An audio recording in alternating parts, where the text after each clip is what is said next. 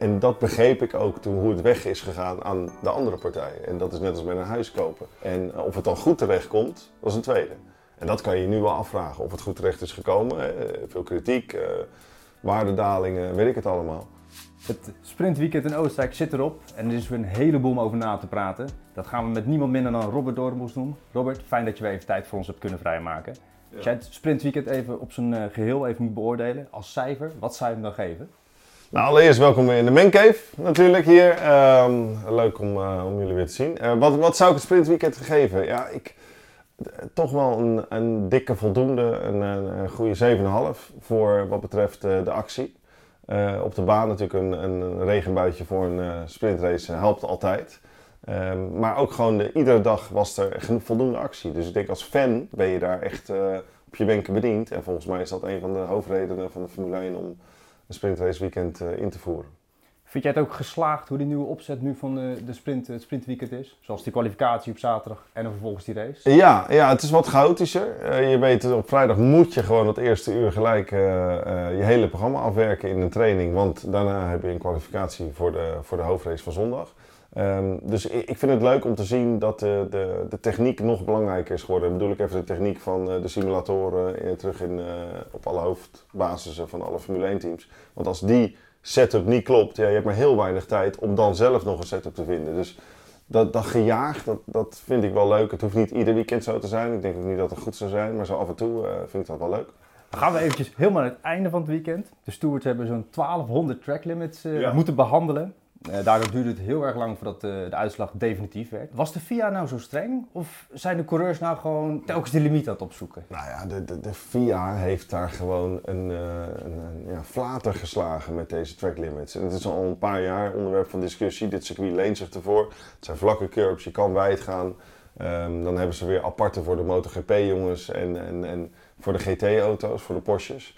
En dan voor Formule 1 wordt het nog krapper. Dus je moet nog meer binnen lijntjes kleuren. zou je zeggen, dat kunnen die jongens. Zo lastig is het niet. Maar het zit ook in de aard van het beestje om de limiet op te zoeken. En wij zijn allemaal opgegroeid uh, in juniorenklasses, ook op circuits, waar je natuurlijke track limits had. Dus dan een beetje tegen dat gras aan. In Engeland zag je dat vaak. Of een gymbakje in Duitsland, weet je. Maar toch, dan weet je, dan ga je één keer door de gymbak, denk je, oké, dit is te ver. Maar dan heb je hem opgezocht. En nu, met die witte lijn, en plus de slechte zichtbaarheid. Ja, je kan er allerlei excuses aan verzinnen. Je ligt natuurlijk echt lang uit in zo'n auto. En je ziet alleen de toppen van je banden. Ja, dus die ene witte lijn, of je hem nou met een millimeter wel of niet raakt, ja, dat kan alleen een sensor zeggen. Ik vind het uh, niet goed voor de sport dat we natuurlijk daarna een dag later daar nog over hebben. Sterker nog, dat er nog posities uit de top 10 worden uh, ja, gewisseld. Dat, hoe ga je dat uitleggen aan een nieuwe fan? Dan zeggen ja, ja, dat is gênant. Terwijl in Amerika zie je ze soms buiten beeld schieten gewoon, weet je, zoveel track limits. Je zou ook kunnen zeggen, geef het vrij en kijk maar, uh, may the best man win.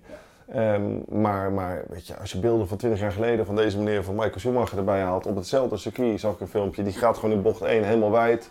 Weet je, over dat kunstgas weer terug naar beneden en de baan op. Ja, of hij er echt een voordeel aan behaalde, weet ik niet. Maar het is te, het is te um, uh, ja, hoe noem je dat? Is, ze willen te veel controleren alles. En zitten er dicht bovenop. Ja, zitten er iets te dicht bovenop. Verstappen heeft een 42 zege gepakt op de Red Bull Ring. Met de nodige overmacht kunnen we wel zeggen. Tegen de wens van het team in, in die laatste paar rondjes nog even snel die pitstop maken om voor die snelste race te gaan. Wat dacht jij toen je die boordradio hoorde tussen Giampiero en... Uh... Ja, ik, ik, ik, toen ik dat zag, toen dacht ik echt, wat, wat een baas. Weet je, we wisten al dat het... Uh, uniek is wat we hier aan het ervaren zijn. Uh, geschiedenis wordt herschreven, weekend in, weekend uit.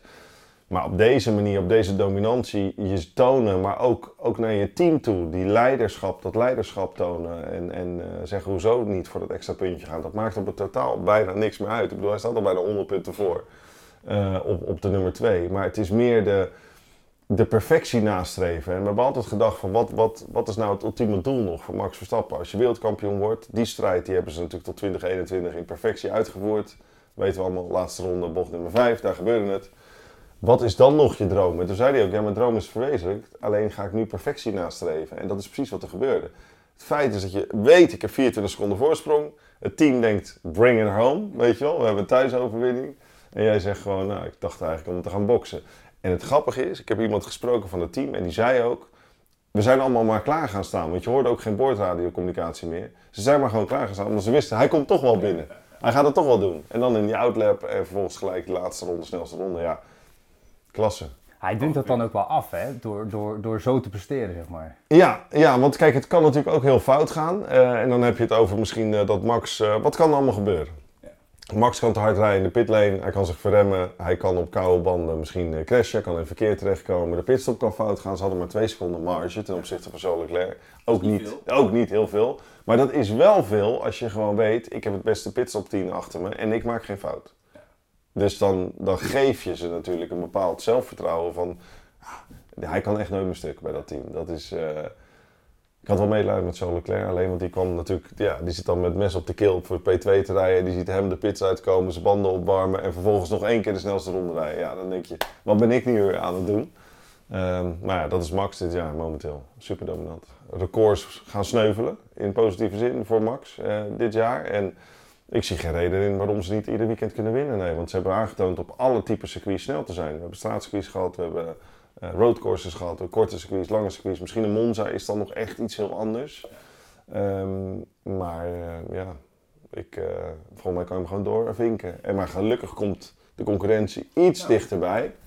Maar nog niet zo dat ze echt over de schouder moeten kijken. Ja, Perez wel, maar Max niet. Vanaf P15 naar het podium gereden.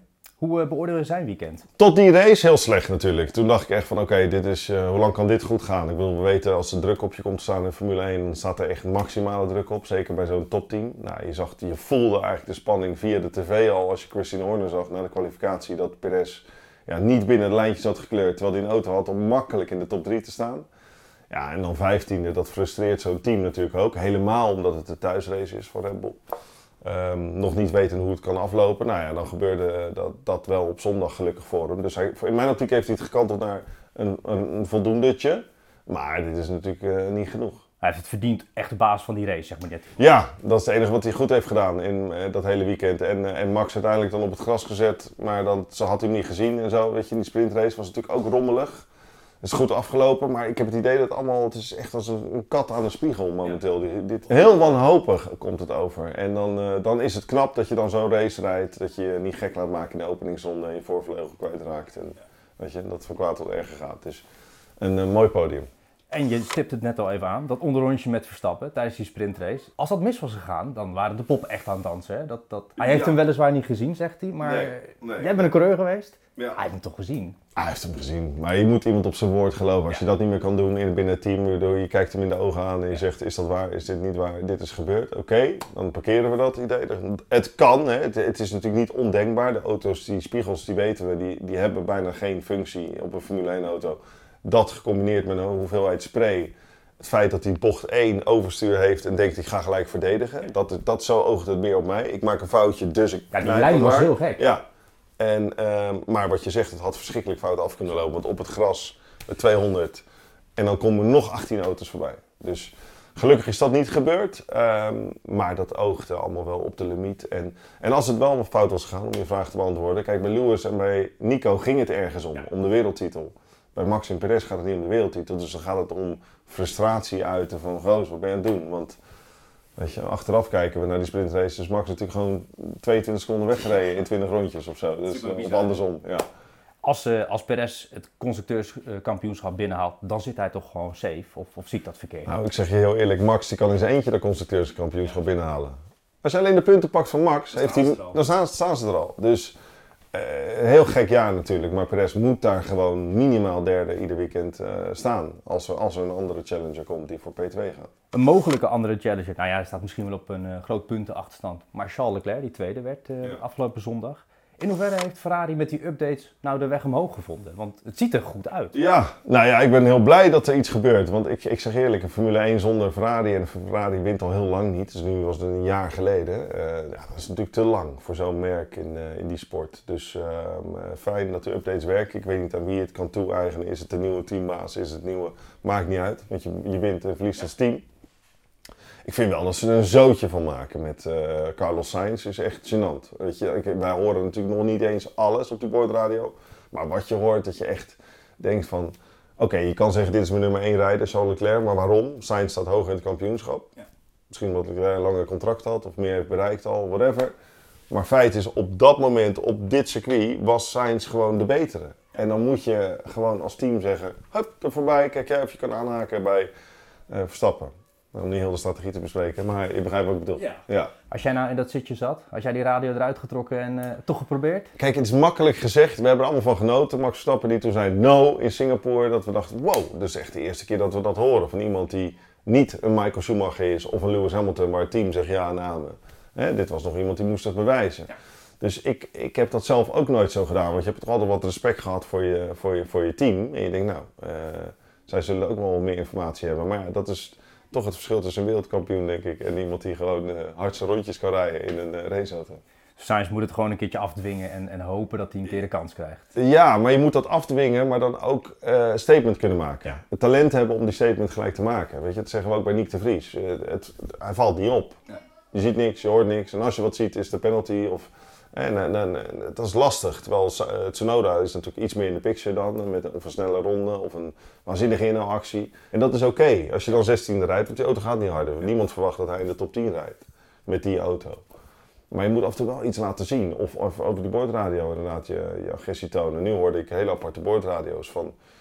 Uh, over detectiepunten en zo, DRS. Ik denk, ja, maar je rijdt al heel weekend. Hoezo, hoezo vraag je dat nu nog? Ja. Weet je? Dat, dat is raar. Dat, Gek over. Ja, Aston Martin en Mercedes, die vielen eigenlijk niet zo heel erg op. Ja, of een beetje in negatieve zin, een beetje ja. weg eigenlijk. Ja. Laten we bij Lewis Hamilton beginnen. Hij klonk een beetje chagrijnig over de boordradio. Oh, Zat niet helemaal in zijn schoen, had ik het idee. Tot een bepaald moment dat Toto Wolff zelfs even in kwam uh, grijpen. Ja. Dat contract is ook nog niet helemaal rond. Wat, uh, waarom duurt het daar zo lang, denk jij? Volgens Toto Wolf gaat het niet om geld. Volgens uh, Toto Wolf is het echt een uh, kwestie van, uh, van tijd en wordt het hoogstwaarschijnlijk in Silverstone aangekondigd. Dat zou dan wel een, een meest logische plaatje zijn. Um, maar als je de boordradio's moet geloven, dan, dan is de synergie een beetje weg afgelopen weekend. Nou heeft Hamilton wel vaker last van klagen. Maar dat Toto Wolf moet ingrijpen en hoe die ook ingrijpt van zeggen, ja we weten dat het een slechte auto is, maar rij je maar gewoon. Ik weet ook niet of Mercedes dat ook zo heel leuk vindt dat je dat zegt. Weet je, want je benadrukt nogmaals het, het zwakke plek van de auto. Lewis Hamilton, ja, die reed inderdaad uh, voor George Russell. Dus je kan zeggen, de auto kan niet harder. Maar ja, aan de andere kant, Lewis zijn, we moeten ook beter weten met zijn ervaringen. Dat de auto een shitbox is, ja, dat, dat zien we. Dat hoef je niet te, nee. nog een keer te zeggen. En je wint samen en je verliest samen, toch? Dat zegt hij, voor mij staat het zelfs op zijn lijf getatoeëerd. Dus uh, we win and lose together. Dus daar moet je nog even naar kijken in de spiegel. Ja, wie ook geen lekkere race had, Nick de Vries. Je stipt hem net al eventjes aan. Ja. Kreeg nog een, een penalty voor dat onderrondje met Magnussen. Ik zat dat te bekijken en ik dacht, ja oké, okay, je kunt hem aan de Vries geven, die straf. Ja. Aan de andere kant, uh, gaat Magnussen niet echt op de penalty stip liggen door aan die buitenkant... Ja, uh, ja, ik begrijp heel goed wat je bedoelt. We hebben het over, in eerste instantie was het bocht 4, ging Magnus aan de buitenkant. Nou, logisch dat Nick iets had zijn stuur opende en, en Magnussen moest door het grind. Daar wordt ook niks van gezegd, want daar weten we echt, daar ga je gewoon echt op de penalty stip liggen. De bocht 6 daarentegen, die knikt naar beneden. Ja, daar was eerder aangetoond, ook in het weekend, dat je er wel met z'n tweeën doorheen kan. Dus als iemand het durft aan de buitenkant en je geeft hem een heel klein beetje ruimte, dan kan het, dan kan het net. En, en nu leek het er echt op, Nick zag hem, ja, en ik, ik verplaats me al in die auto en ik voel gewoon dat hij zijn stuur opent en hem echt gewoon er vanaf duwt. Dus dan, ja, die penalty zag ik wel aankomen. Um, en aan de andere kant is, het een, is hij dan voor nodig geëindigd. Maar ja, die had nog meer penalties dan iedereen, geloof ik. Die heeft uh, alle, alle lijntjes uh, overschreden.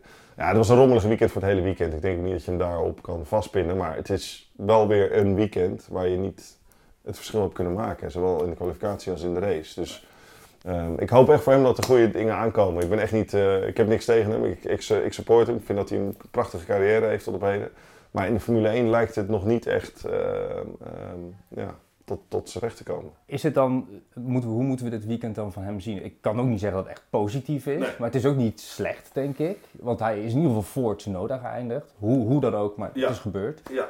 Uh, als je een Helmut Marco was, ja, hoe, hoe, kijk je dan nu naar de situatie? Ja, um, ik, Helmut is wel iemand die de rijders onder druk zet. Ja. Dat weet ik ook. Dus uh, ik, ik, ja, ik weet dat hij niet onder druk heeft staan. Dat kan niet anders. Dus hij, en ook dit weekend zal er niks in veranderd hebben. Um, dus de zomerstop is de target. Je moet gewoon zorgen dat je voor die zomerstop, als je kijkt naar het verleden, ja. zijn dat vaak de momenten geweest dat Helmut in één keer zegt: Oké, okay, tot hier en niet verder na de zomer gaan we het anders doen. Ja. Weet je? Dus je moet zorgen dat je tot Budapest um, ja, piekt. En dat, dat, dat, er iets goed komt. En, en, ja, de auto is slecht, dat weten we.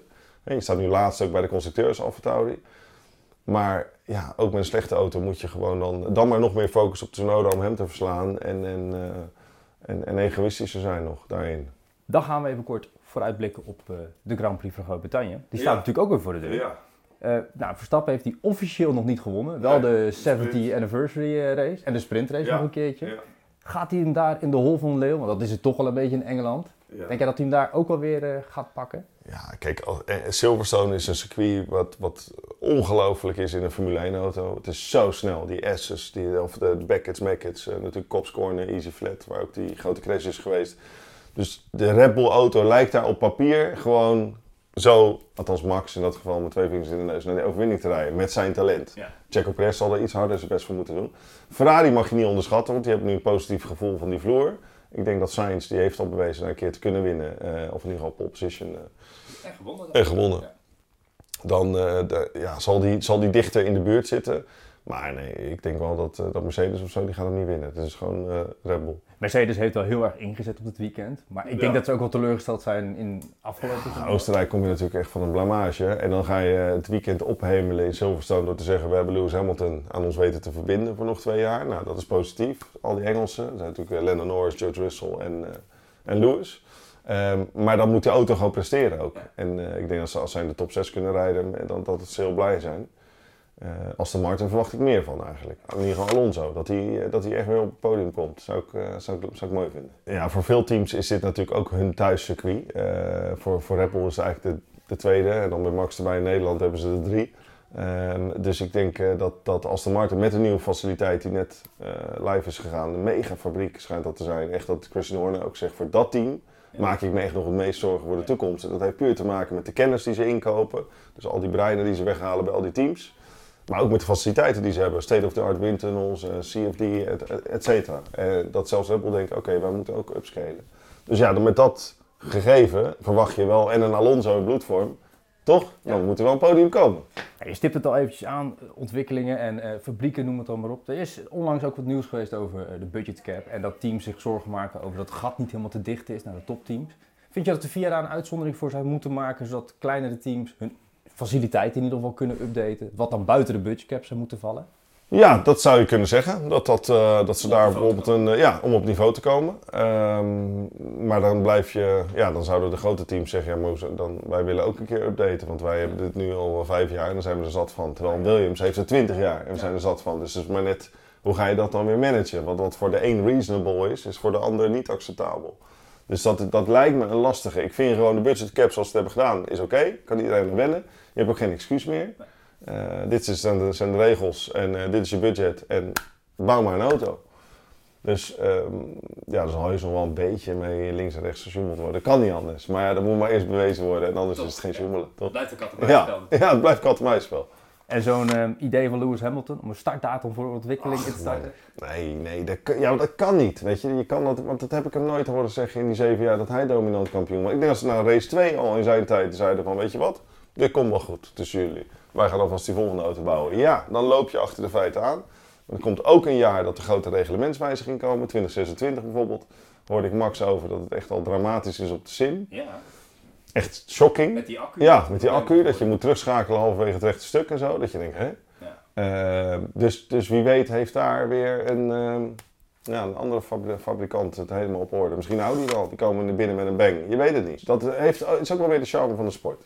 Nou, tenslotte gaan we een beetje richting het einde toe. Ja, we kennen jou inmiddels als vast gezicht uh, van het racecafé. Daar zien we je natuurlijk elke week. Sorry. De, nee, nee, dus, nee, dat was helemaal geen verwijt hoor. Uh, ja, de nieuwe rechten van de Formule 1 komen weer een keer op tafel. Ja. Um, zit ik goed als ik denk dat Ziggo er een serieuze poging aan gaat doen om die rechten weer terug te halen? Nou, de, laatste poging was ook serieus. En uh, alleen serieus voor hun gekapt tot hier en niet verder. Want we hebben gewoon een, een verdienmodel. Ziggo Vodafone heeft gezegd, oké, dat is het maximum wat wij kunnen doen. En, en dat begreep ik ook toen hoe het weg is gegaan aan de andere partijen. En dat is net als met een huis kopen.